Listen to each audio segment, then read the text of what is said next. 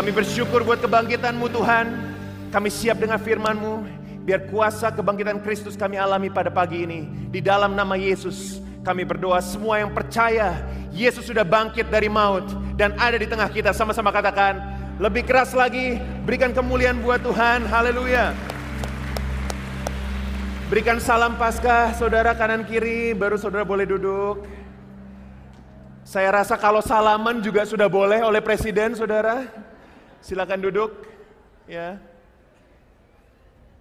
Amin, puji Tuhan.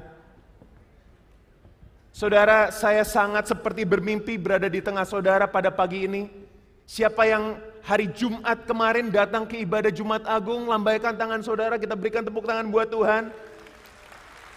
Saya seperti mimpi saudara karena selama tiga tahun dari tahun 2020 pertama kali gereja waktu itu ditutup secara onsite karena covid yang pertama kali ya heboh di seluruh dunia.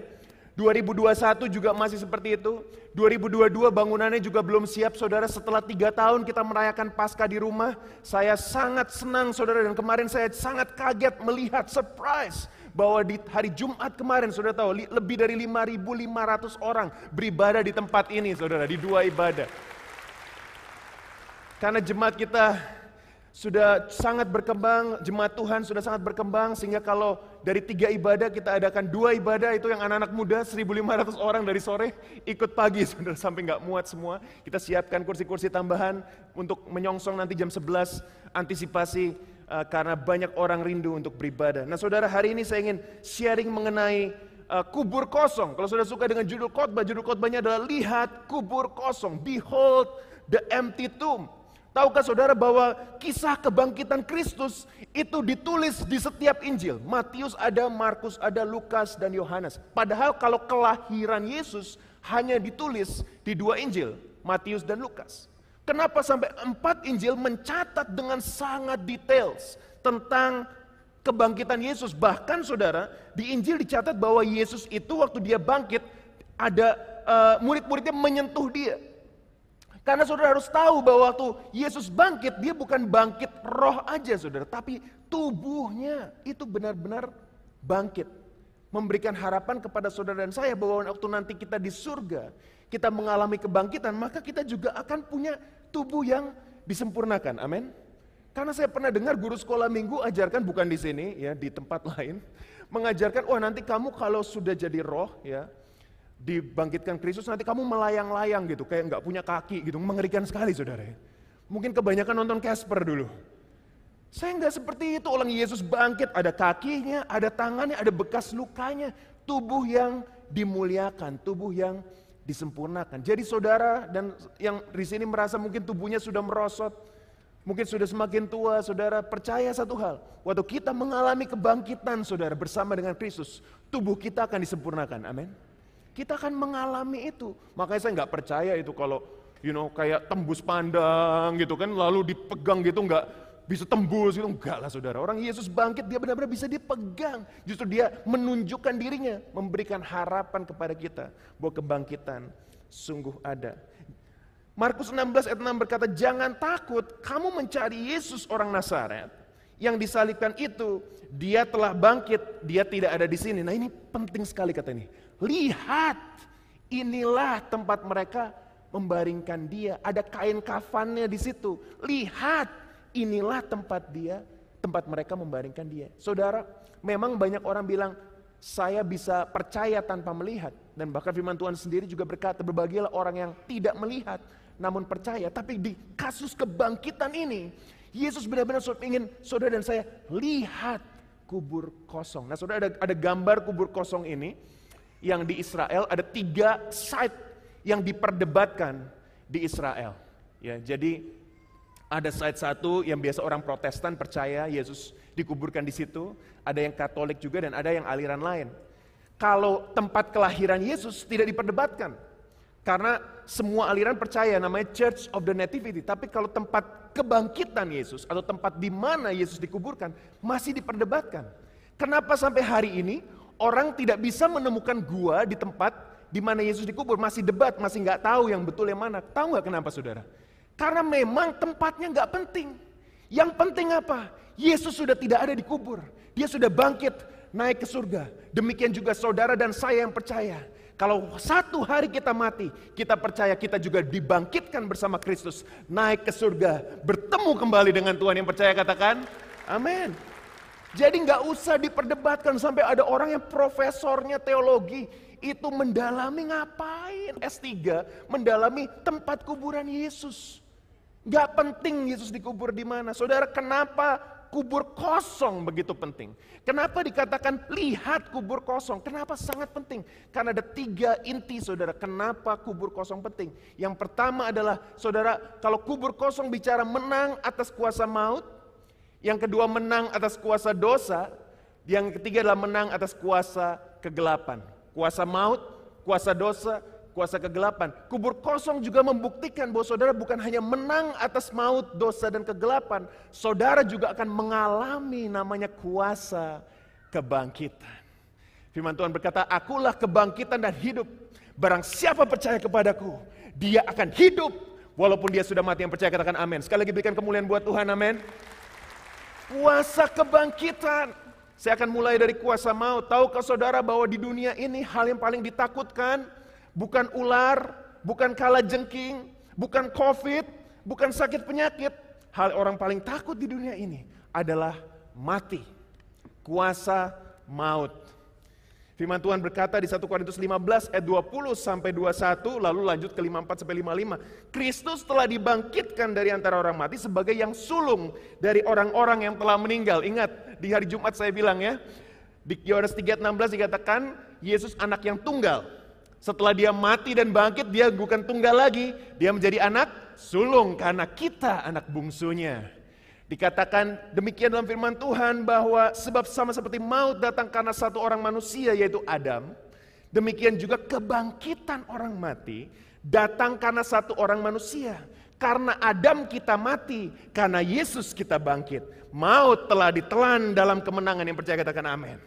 Hai maut, di manakah kemenanganmu? Hai maut, di manakah sengatmu? Bahasa aslinya, Hades, di manakah sengatmu? Karena bahasa Yunani dulu saudara bicara kekerajaan uh, neraka itu namanya penguasa namanya Hades. Kalau saudara pernah nonton film Hercules, ada Zeus, ada Hades. Hades berkuasa di neraka. Dikatakan oleh firman Tuhan di 1 Korintus, Paulus melawan orang Yunani. Dia bilang, hei Hades kalah dengan Yesus. Karena Yesus sudah menang atas maut. Saudara, penguasa paling berkuasa di dunia pun takut mati. Gengiskan itu waktu zaman dia berkuasa. Sampai Majapahit aja hampir terancam saudara. Kerajaan Sriwijaya hampir terancam oleh Gengiskan dan oleh anaknya Kubilaikan. Saya itu ngerti karena saya dulu ikutin seri-seri persilatan begitu saudara. Memanah burung Raja Wali. Yang ketawa itu orang-orang di Urapi.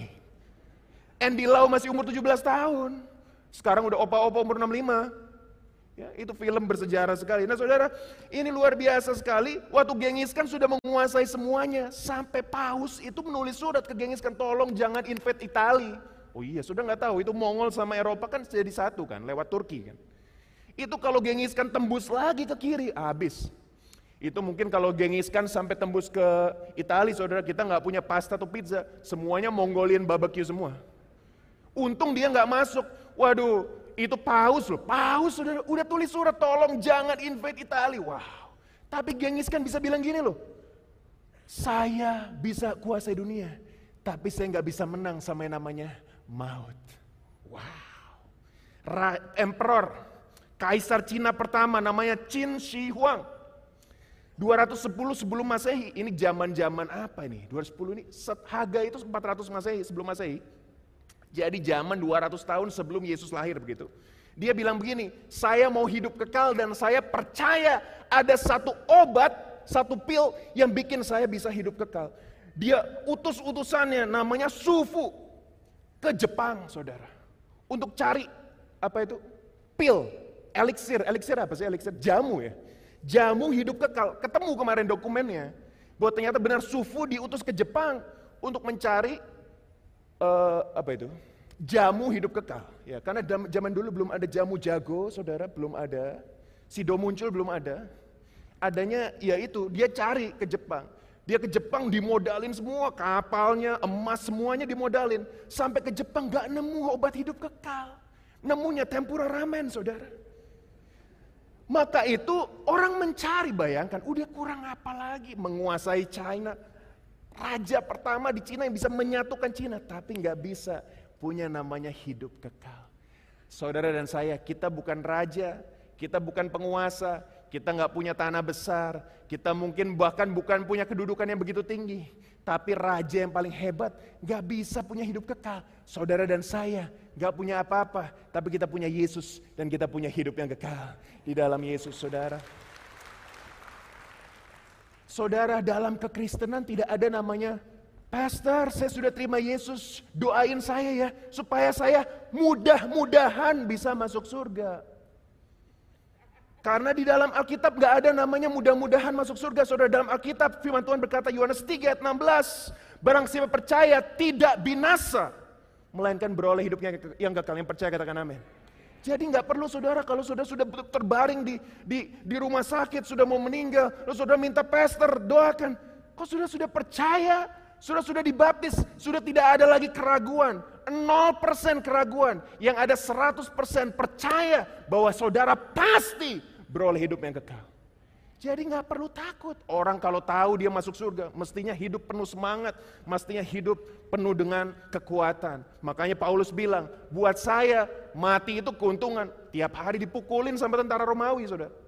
Tiap hari dipukulin tentara Romawi. Dia bilang ke, ke murid-muridnya, mengenai aku, darahku sudah mulai dicurahkan saat-saat kematiannya sudah dekat. Tapi dia bilang begini, bagiku hidup adalah Kristus dan mati adalah keuntungan. Buat kita orang percaya, saudara sudah percaya dan dibaptis, dengar ini baik-baik. Kalau kita hidup, kita hidup bagi Kristus. Kalau kita mati, kita mati ketemu Kristus. Maka itu saudara hidup atau mati tidak masalah. Yang penting ada Yesus di dalam yang percaya kita berikan kemuliaan sekali lagi buat Tuhan. Amin. Kuasa yang kedua yang kita menang namanya kuasa dosa.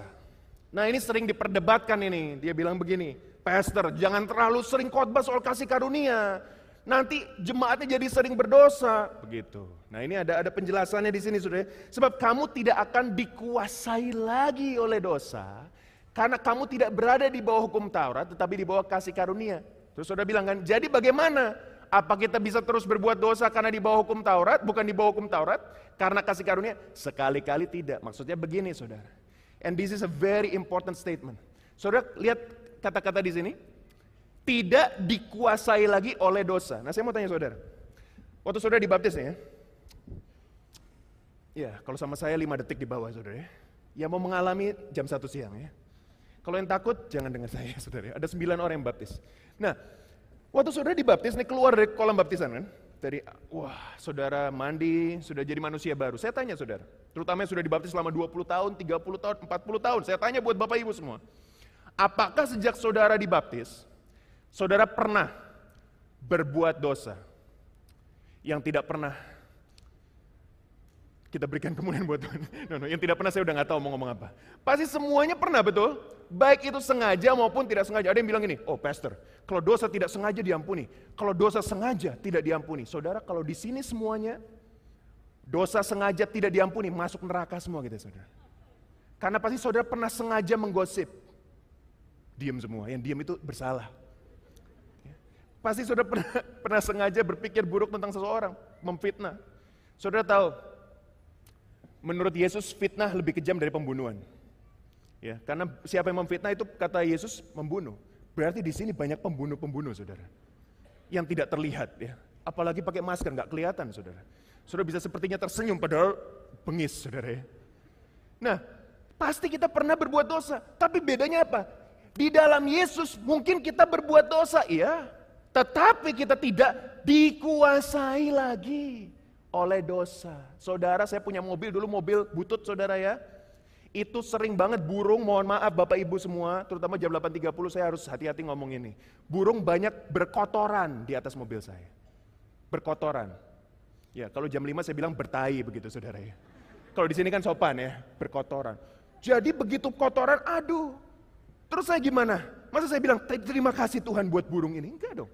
Saya bersihin dong mobilnya, betul? Tapi ada rumah tetangga sebelah, orangnya nggak tahu ke mana, mobil ditaruh di pinggir jalan selama berbulan-bulan. Itu burung bukan lagi berkotoran, saudara. Sudah jadi sarang burung di situ. Yang tertarik mau bisnis sarang burung walet silakan. Nah ini saudara, bedanya apa? Mobil saya kalau ada dosa, kalau ada kotoran, mohon ampun Tuhan. Menyesal, dibersihkan oleh darah Yesus, amin. Mobil tetangga nggak pernah diberesin. Dosa, oh biarin aja lah dosa, nggak peduli. Namanya apa? Hidup dalam kuasa dosa. Itu bedanya orang Kristen sama orang nggak Kristen. Orang Kristen nggak lebih baik kok. Kadang-kadang orang bilang, oh dia Kristen, jualan ini, jualan itu, pasti dia jujur ya. Hmm, tunggu dulu. Oh pak, dia pimpin pujian di depan, udah pasti jujur ya. Oh belum tentu. Orang Kristen banyak kelemahan, bedanya apa? Dosanya sama. Bedanya apa? Kalau kita percaya pada Kristus, mungkin kita berdosa, berbuat dosa, tapi kita tidak hidup di dalam kuasa dosa yang percaya katakan amin. Kita hidup dalam kuasa kebenaran. Saya punya statement, ini diingat saudara, diingat saudara. Kasih karunia itu bukan izin berbuat dosa, tapi kekuatan untuk hidup dalam kebenaran. Grace is not a license to sin, but the power to live in righteousness. Karena kasih karunia kita dimampukan untuk hidup dalam kebenaran. Amin. Nah saudara ini ada ada cara-caranya kalau saudara mau lepas dari dosa, saudara mungkin, aduh pastor saya jatuh terus dalam dosa, gimana saya supaya kuat? Ini kita lihat ayat berikutnya saudara. Di sini katakan apa? Kamu nggak tahu kalau kamu menyerahkan dirimu kepada seseorang sebagai hamba, maka kamu harus adalah hamba orang itu yang harus kamu taati, baik dalam dosa maupun dalam ketaatan yang memimpin dalam kebenaran. Ini solusinya Roma 6 ayat selanjutnya dikatakan begini. Tetapi syukur kepada Bapa, dahulu memang kamu hamba dosa, tapi sekarang kamu dengan segenap hati telah mentaati pengajaran yang telah diteruskan kepadamu. Kamu telah dimerdekakan dari dosa dan menjadi apa? Hamba kebenaran. Saudara mau tahu solusinya tidak hidup dalam dosa? Percaya Yesus of course. Tapi ada solusi lain sebetulnya. Hidup dalam kebenaran, layani Kristus. Galatia 5 berkata, janganlah kamu mempergunakan kemerdekaan itu sebagai kesempatan untuk kehidupan dalam dosa. Melainkan layanilah seorang akan yang lain oleh kasih. Saudara saya diingatkan, lagi siapin khotbah ini. Daud baik nggak saudara? Baik nggak? Baik. Pernah jatuh dalam dosa? Pernah. Saudara tahu nggak kapan dia jatuh dalam dosa? Waktu dia lagi tidak melayani Tuhan di mana harusnya dia berperang, harusnya dia menjadi hamba kebenaran, jenderalnya berperang. Sudah baca baik-baik satu Samuel dikatakan apa? Pada waktu di mana raja-raja biasanya pergi berperang, Daud santai di rumah. Waktu dia santai di rumah, jatuhlah dia dalam dosa. Saya tanya saudara, dan saya sekarang saya tanya saudara. Seandainya waktu itu Daud melayani Tuhan, dia perang. Kira-kira lihat Betseba mandi? Enggak. Kira-kira akan kena musibah? Enggak. Kenapa Daud kena musibah? Dia tidak menjadi hamba kebenaran pada waktu itu. Saudara, saya juga diingatkan Tuhan. Tahu nggak, COVID kemarin banyak pendeta hamba Tuhan jatuh.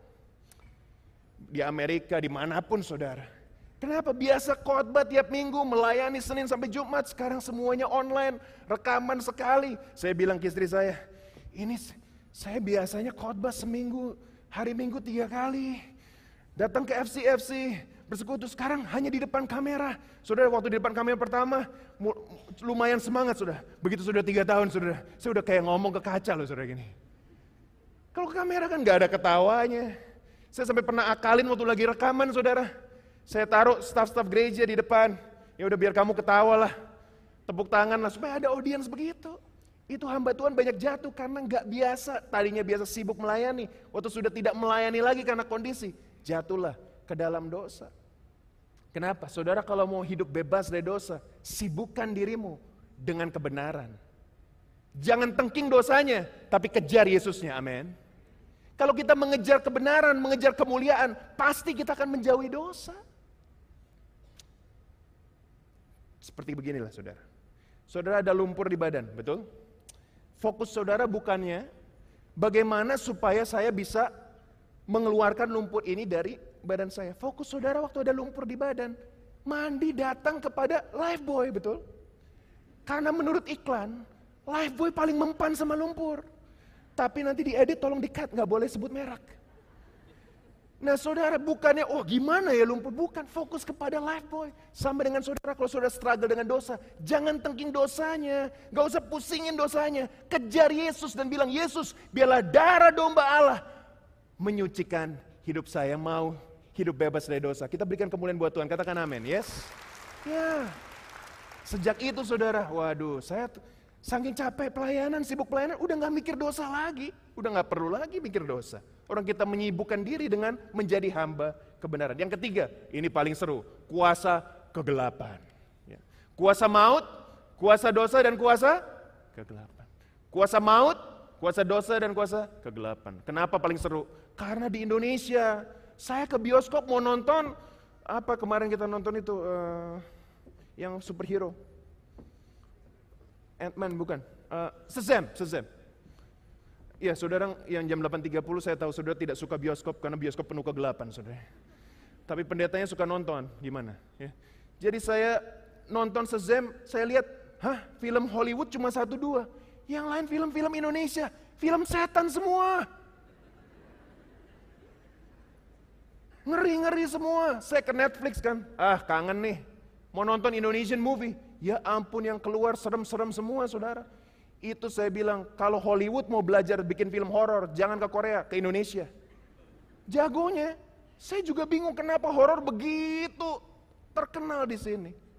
Karena kuasa kegelapan memang sangat kental di bangsa ini, di negara ini dari zaman dulu, ditakut-takutin macam-macam. Saya paling keberatan kalau anak-anak komunitas saya nih atau jemaat di Christ Cathedral, ya kan, lagi mungkin melancong keluar kota, masuk komunitas, baru masuk komunitas langsung dibilang, "Waduh, saya melihat ada roh-roh di belakang kamu." Hah? Langsung telepon, "Koko, pastor, katanya aku kerasukan." Hah, siapa yang ngomong? Semua diroh-rohin. Buat salah sedikit kan, aduh, ini apa inilah mobilnya kacanya dipecahin orang. Waduh, itu pasti roh itu. Bukan, itu maling. Semua diroh-rohkan begitu. Kuasa kegelapan itu nyata, tapi nggak perlu pusing lah. Paling lucu kalau youth camp itu, kalau camp anak muda kan. Nama Yesus menara yang kuat. Nama Yesus kalahkan semua musuh. Nama Yesus di atas segalanya. Amin. Weh, tepuk tangan. Begitu mau ke kamar mandi kan, jauh kan gelap. Bro, temenin gua dong bro. Mau ke kamar mandi. Loh, katanya nama Yesus menara yang kuat. Ya itu tadi. Itu gelap. Pelan-pelan gini. Dia gini lagi saya ikut temennya lagi. Mending perempuan. Laki-laki juga ketakutan. Lah saya lagi khotbah semangat sudah lagi tutup mata begini begitu. Saya buka mata setengah sudah hilang. Kamar mandi semua. Bergandengan tangan dalam kasih, dalam satu hati.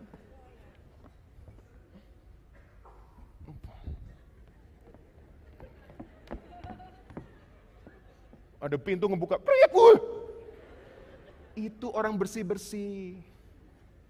Saya lagi di gereja di Melbourne, gereja tua. Tuanya lebih tua dari oma saya. Oma saya punya oma, ini gereja lebih tua. 1851. Balak Road. Teman-teman bilang, bro bro hati-hati bro, jangan masuk gereja sendirian. Itu gereja angker. Angker dari mana? Iya, saya dengar ada pipe organ kan? Pipe organnya bisa jalan sendiri.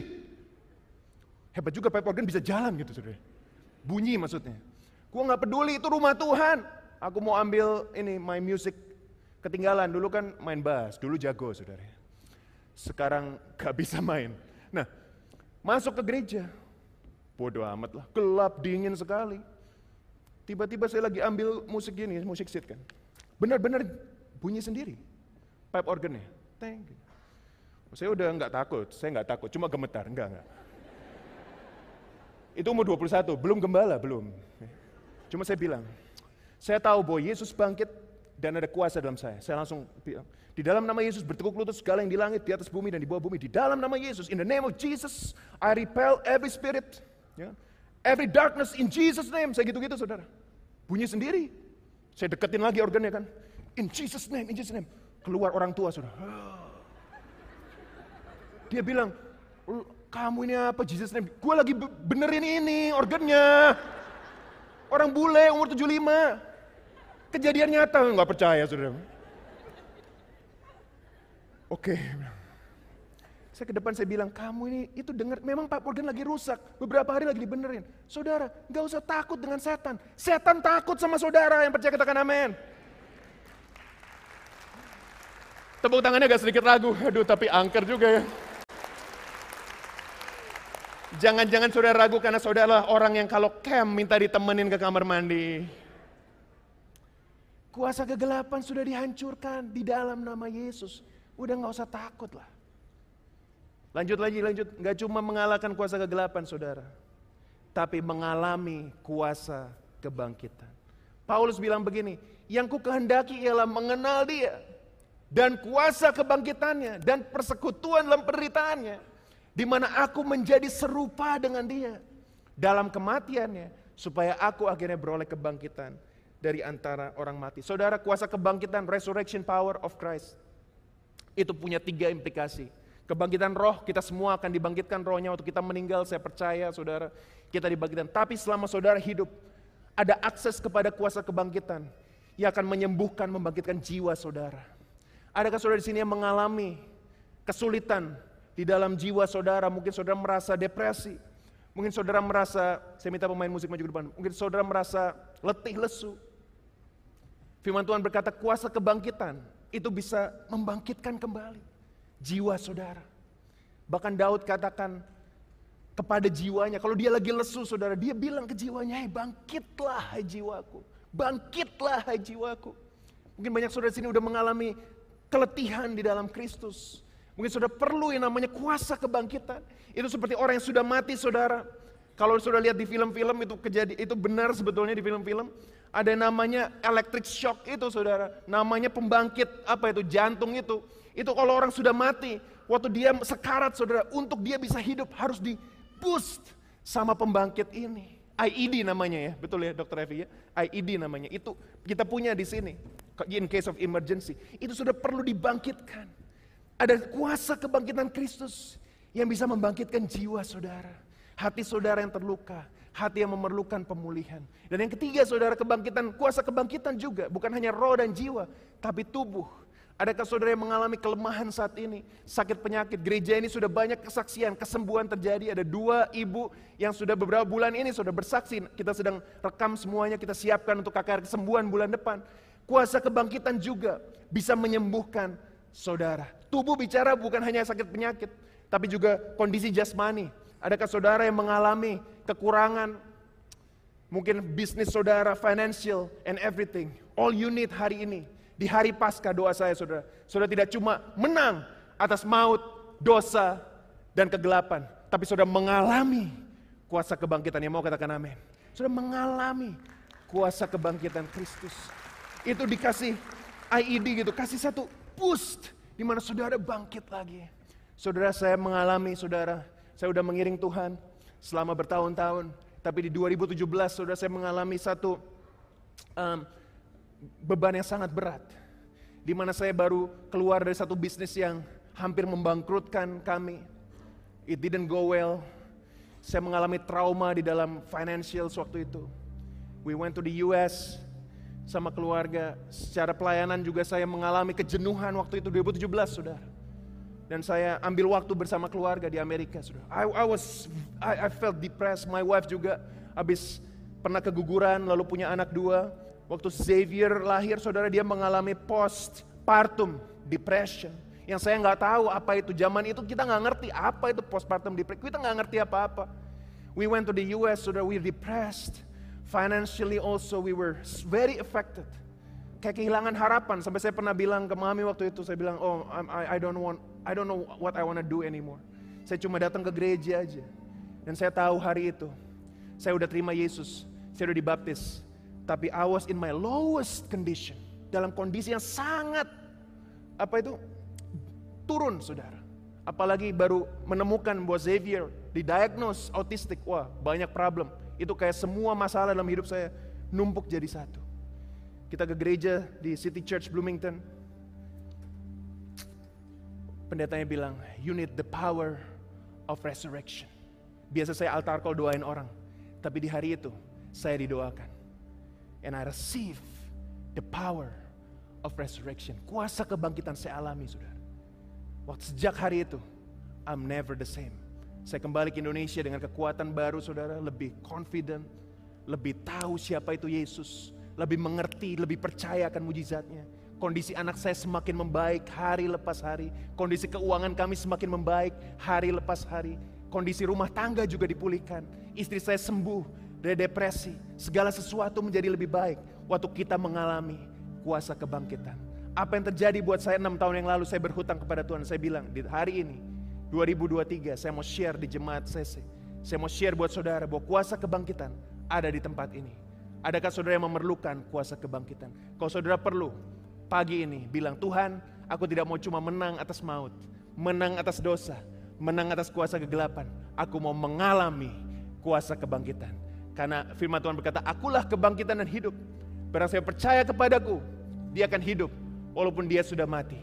Adakah saudara yang merasakan kematian dalam hidup saudara? Hari ini katakan, Tuhan aku mau bangkit lagi. Di dalam nama Yesus. Yang percaya ada kuasa kebangkitan tempat ini katakan, mari kita bangkit berdiri sama-sama mengalir kuasa dari tempat maha tinggi Bapa kekal mulia Kau hadir di sini. Memberikan hati Menyembuhkan yang terluka. Ku kan tenang bersamamu Bapa.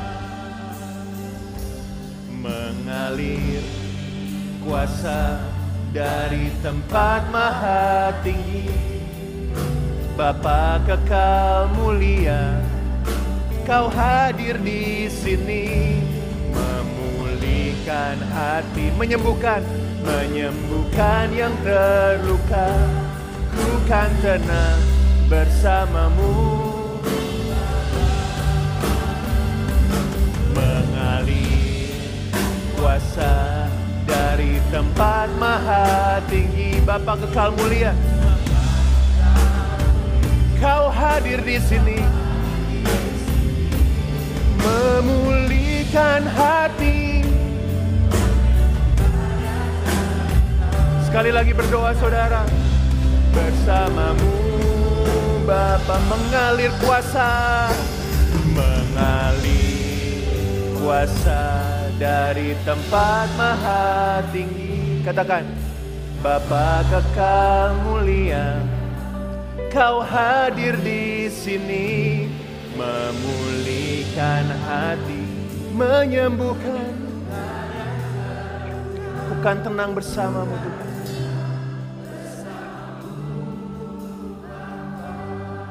Saudara sebelum kita berdoa minta kuasa kebangkitan Kristus Ada satu kebangkitan yang paling penting yang saya katakan tadi adalah Kebangkitan menang atas maut Adakah saudara di tempat ini yang saudara tidak yakin bahwa ada Yesus di hatimu Saya akan memberikan kesempatan buat saudara Tanpa tanpa maju ke depan Di tempat di mana saudara berada Untuk mengangkat tangan hitungan ketiga di mana saya akan undang saudara untuk menerima Yesus sebagai Tuhan dan Juru Selamat. Dia mati di kayu salib untukmu. Dia bangkit untukmu. Dia tidak mau engkau mati tertelan oleh maut. Dia mau engkau menang atas maut. Seperti Yesus sudah menang atas maut. Adakah saudara di tempat ini lebih dari 1.500 orang online onsite yang tidak yakin bahwa ada Yesus di hatimu? Kalau engkau tidak yakin, mari yakinkan. Angkat tangan hitungan ketiga. Dan saya akan berdoa buat saudara. Tanpa maju ke depan di tempat di mana saudara berada, online maupun onsite. Saudara siap? Saya hitung sampai tiga. Satu, Tuhan Yesus mengasihimu. Dua, dia mati dan bangkit untukmu. Supaya engkau beroleh hidup yang kekal. Apakah engkau mau menerima Yesus sebagai Tuhan dan Juru Selamat? Kalau engkau mau, mari angkat tangan sekarang juga hitungan ketiga. Satu, dua, tiga, lebih tinggi. Thank you, God bless you. Thank you, I see you. God bless you, ada lagi? Tuhan berkati, God bless you. Lebih tinggi lagi. Thank you so much, God bless you. We appreciate you, thank you. Jesus, Lord, thank you God. Lebih tinggi lagi. Saya tunggu beberapa detik lagi. Terima kasih Tuhan, online, onsite. Thank you Jesus, thank you Jesus. Kak Bobby bantu saya berdoa. Ucapkan doa ini bersama dengan saya. Tuhan Yesus, hari ini, aku menerima Engkau sebagai Tuhan dan Juru Selamat dalam hidupku. Jadilah Raja atas hidupku. hidupku. Tidak sama lagi karena Tuhan Yesus ada dalamku. Selamanya kau Tuhanku, Selamanya kau Raja. Di dalam nama Yesus, Dalam nama Yesus. Aku berdoa. Turunkan tangan saudara. Kita berikan kemuliaan buat Tuhan. Buat saudara yang baru pertama kali menerima Yesus, gereja menyediakan resources untuk membantu saudara bertumbuh dalam pengenalan akan Tuhan. Juga pada siang ini jam 1 nanti kita akan ada baptisan air. Saudara, puji nama Tuhan, sudah lebih dari 100 orang mendaftar baptisan buat siang ini. Masih ada kesempatan buat saudara kalau saudara tidak bawa baju, gereja menyediakan baju, celana, semuanya buat saudara datang ke information counter. Karena kalau QR code mungkin you can do it, but lebih baik datang ke information counter, tunggu sampai jam 1 nanti, langsung dibaptis bisa dua jam, makan siang, fellowship dengan yang lain. It's gonna be amazing. We're gonna have big victory siang ini. Saudara siap menerima kuasa kebangkitan? Mari kita sembah Tuhan, kita minta revival. I just feel in my spirit waktu saya menyiapkan khotbah ini. Ada berapa di antara saudara yang mengalami sakit penyakit, kemunduran dalam bisnis, ekonomi, you feel that you're not as good as before. Kondisimu semakin turun. Saya diingatkan Lazarus di mana sebelum Lazarus mengalami kuasa kebangkitan, dia harus mati dulu. Mungkin saudara Tuhan menunggu sampai saudara ada di titik paling terpuruk. Dan saat ini Tuhan Tuhan memanggilmu karena engkau sangat membutuhkan Dia. Kau sudah perlu kuasa kebangkitan untuk tubuhmu, untuk jiwamu, untuk keluargamu, untuk bisnismu. Apa pun yang kau perlukan, just raise your hand, angkat tangan saudara. Tidak perlu maju ke depan, saya akan berdoa dari sini. Thank you Jesus. Experience the power of resurrection, kuasa kebangkitan. Thank you Jesus. Mengalir kuasa dari tempat maha tinggi. Bapa kekal mulia. Percaya waktu engkau angkat tangan, rasakan. Kuasa Tuhan mengalir bagimu. Memulihkan hati. Come on. Menyembuhkan yang terluka. Saya merasakan kuasa Tuhan yang sangat besar saudara. Tercurah di tempat ini. Mari sembah dia sekali lagi katakan sambil angkat tanganmu. Minta mengalir kuasa. Come on. Dari tempat maha tinggi Rasakan kuasa Tuhan mengalir. Bapa kekal mulia. Kau hadir di sini. Memulihkan hati Menyembuhkan. Mari minta kuasanya mengalir. Lebih lagi Tuhan Lebih lagi Tuhan. Dalam nama Yesus Kuasa kebangkitan mengalir Kuasa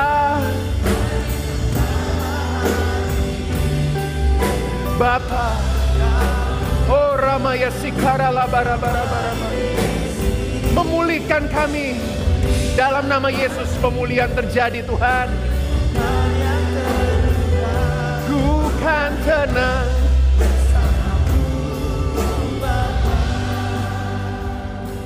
Curahkanlah kuasamu Tuhan. Terima mujizatnya. Mujizat terjadi di tempat ini. Lebih lagi Curahkanlah kuasamu Tuhan. Mujizat terjadi. Ayo di Paskah ini saudara. Alami kuasa kebangkitan bersama dengan Tuhan. Katakan curahkan Curahkanlah Minta, minta. Ora labasikara lamayara labarabarabase Mujizat terjadi di tempat. Amin. Katakan curahkanlah. Curahkanlah kuasamu. Mujizat terjadi sekarang ini Tuhan Sekali lagi sebelum kita kembali Katakan curahkanlah kuasamu